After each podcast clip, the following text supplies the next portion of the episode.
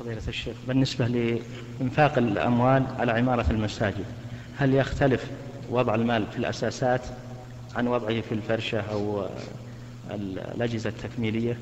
أي معلوم. وهل الأجر ينقطع بإزالة مثل الفرشة أو غيرها؟ نعم. لا شك أن بذل الأموال في المساجد في شيء يبقى أحسن. يعني مثلا شراء الأرض يبقى حتى لو هدم المسجد بقيت الأرض. البناء يبقى. الفرش ما يبقى. يتمزق ويتلف.